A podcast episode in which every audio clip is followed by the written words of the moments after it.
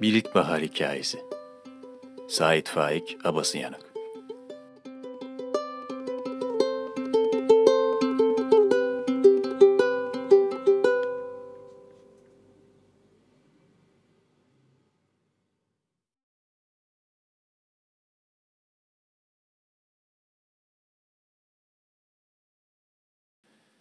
İlkbahar bir bayram, bir uyanış, bir mucize, bir çılgınlık. Olamayacak gibi duran bir şeyin oluşu. İlkbahar şu, ilkbahar bu. Kuş, papatya, gelincik, çayır, çimen, ağaç, çiçek, mimoza, zakkum, su sesi, hindiba, çingene, kuzu. Klasik ilkbaharların içinde hepsi, hatta sülüğün bile yeri vardır. Unuttuklarım da çoktur ha. En mühimi Nisan, Mayıs güneşi. Yaşı kırka aşmış bir adamın mevsimler içinde ilkbaharı biraz üzüntüyle duymamasına imkan yoktur. Eski çılgınlıklar nerede? Nerede o birdenbire bir genç kız elinden, bir genç kız rüzgarından sararma, o yürek çarpıntısı? Şu ömrü mevsimlere benzetenler iyi etmişler doğrusu. Her şeyin bir ilkbaharı, bir yazı, güzü, kışı oluyor işte. İnsanın ilkbaharı öteki hayvanlara bakarsak geç başlıyor. Bir at bir yaşında, hadi hadi iki yaşında ilkbaharındadır. Bir kuzu altı ayda koç olur. Ama insanoğlu ilkbaharını yirmisinden önce pek idrak edemez. Yirmiden evvel idrak edilen ilkbahar bir yalancı ilkbahardır. Ben böyle bir yalancı ilkbaharın hikayesini yazıyorum. Tam 30 sene evvel 12 yaşındaydım. Anadolu'nun bir şehrinde bulunuyorduk. Babam memurdu. Şehre bir yaz sonunda gelmiştik. Kötü, insan boyu karlı bir kış geçirmiştik. Sonra bir gün bahar geliverdi. Karlar eridi. Karlar eridi ama karları eriten güneş değildi, yağmurdu. Bu Anadolu şehrinin ilk baharı 42. yağmurlarıyla başlardı. Sabahleyin parlak mavi bir gökyüzünde ısıtmayan, güneş vurmuş kar gibi soğuk bir güneş görünürdü. Saat daha on biri bulmadan doğudan mı, batıdan mı, kuzeyden mi bilmem bir kara bulut peyda olur. On dakika sonra bardaktan boşanırcasına bir yağmur bütün gün tıkır tıkır, şakır şakır durmadan yağardı. Odamın penceresinden kara çayır dedikleri bir koyu yeşil ova görünürdü.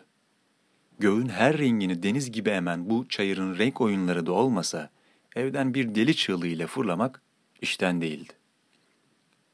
Bütün kış hastalıktan başım kalkmamıştı. Sokağa çıksam başım dönerdi. Bu garip, yağmurlu, kara bulutlu, dörtte üçü kapanık havanın içinde öyle insana avucunu alıp sıkan bir de ilkbahar, toprak, insan, çayır, ağıl kokusu vardı ki içimden hep bağırmak, ağlamak, sonra kas katı katılıp kalmak geçerdi.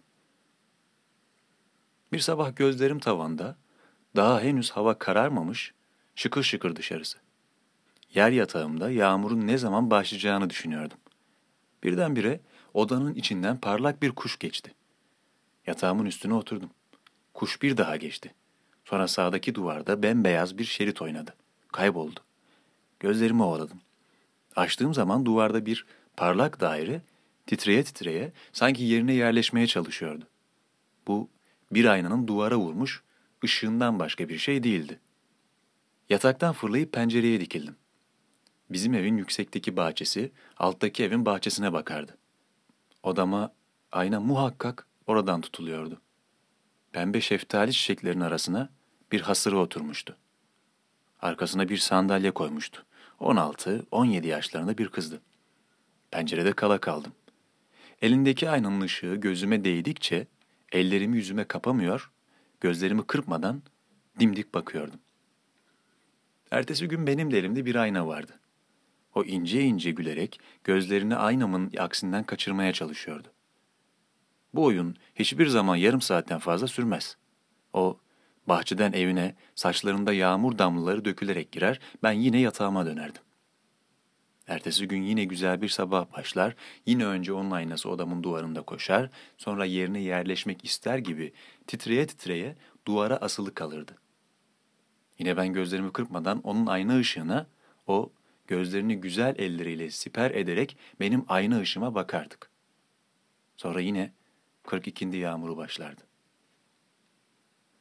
Başka hiçbir şeyle ilgim olmadığı için bir sabah evimizin önünde bir yaylı araba durunca şaşırmadım.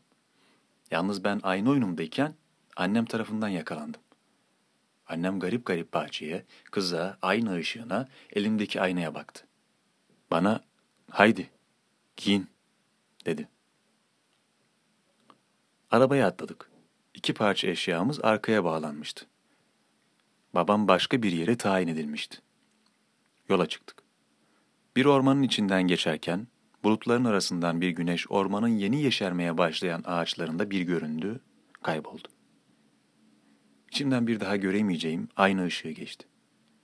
Hüngür hüngür ağlamaya başladım. Babam, nesi var bunun?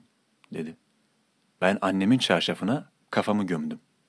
Annem eliyle, yüzüyle ne biçim bir işareti babama bilmiyorum ama hiç ses çıkarmadılar. Bütün hıncımla kimse bana sus demeye cesaret edemeyeceğini sezerek istediğim gibi ağladım. Şimdi ilkbaharda odamın penceresine bir yerden kazara bir ışık vursa, o gün ilkbahar her insana yaptığı gibi bana da üzüntüyle dolu bir yumuşaklık, bir yerinde duramayış, bir yürek çarpıntısı verir. O zamandan bu zamana tam 30 sene geçti. Kimsenin yüzüne ayna tutmadım. Kimse yüzüme ayna tutmadı. Ama kazara bir ışık, bir ilkbaharda odamdan parlak bir kırlangıç gibi geçiverirse, o gün ne ettiğimi bilmem.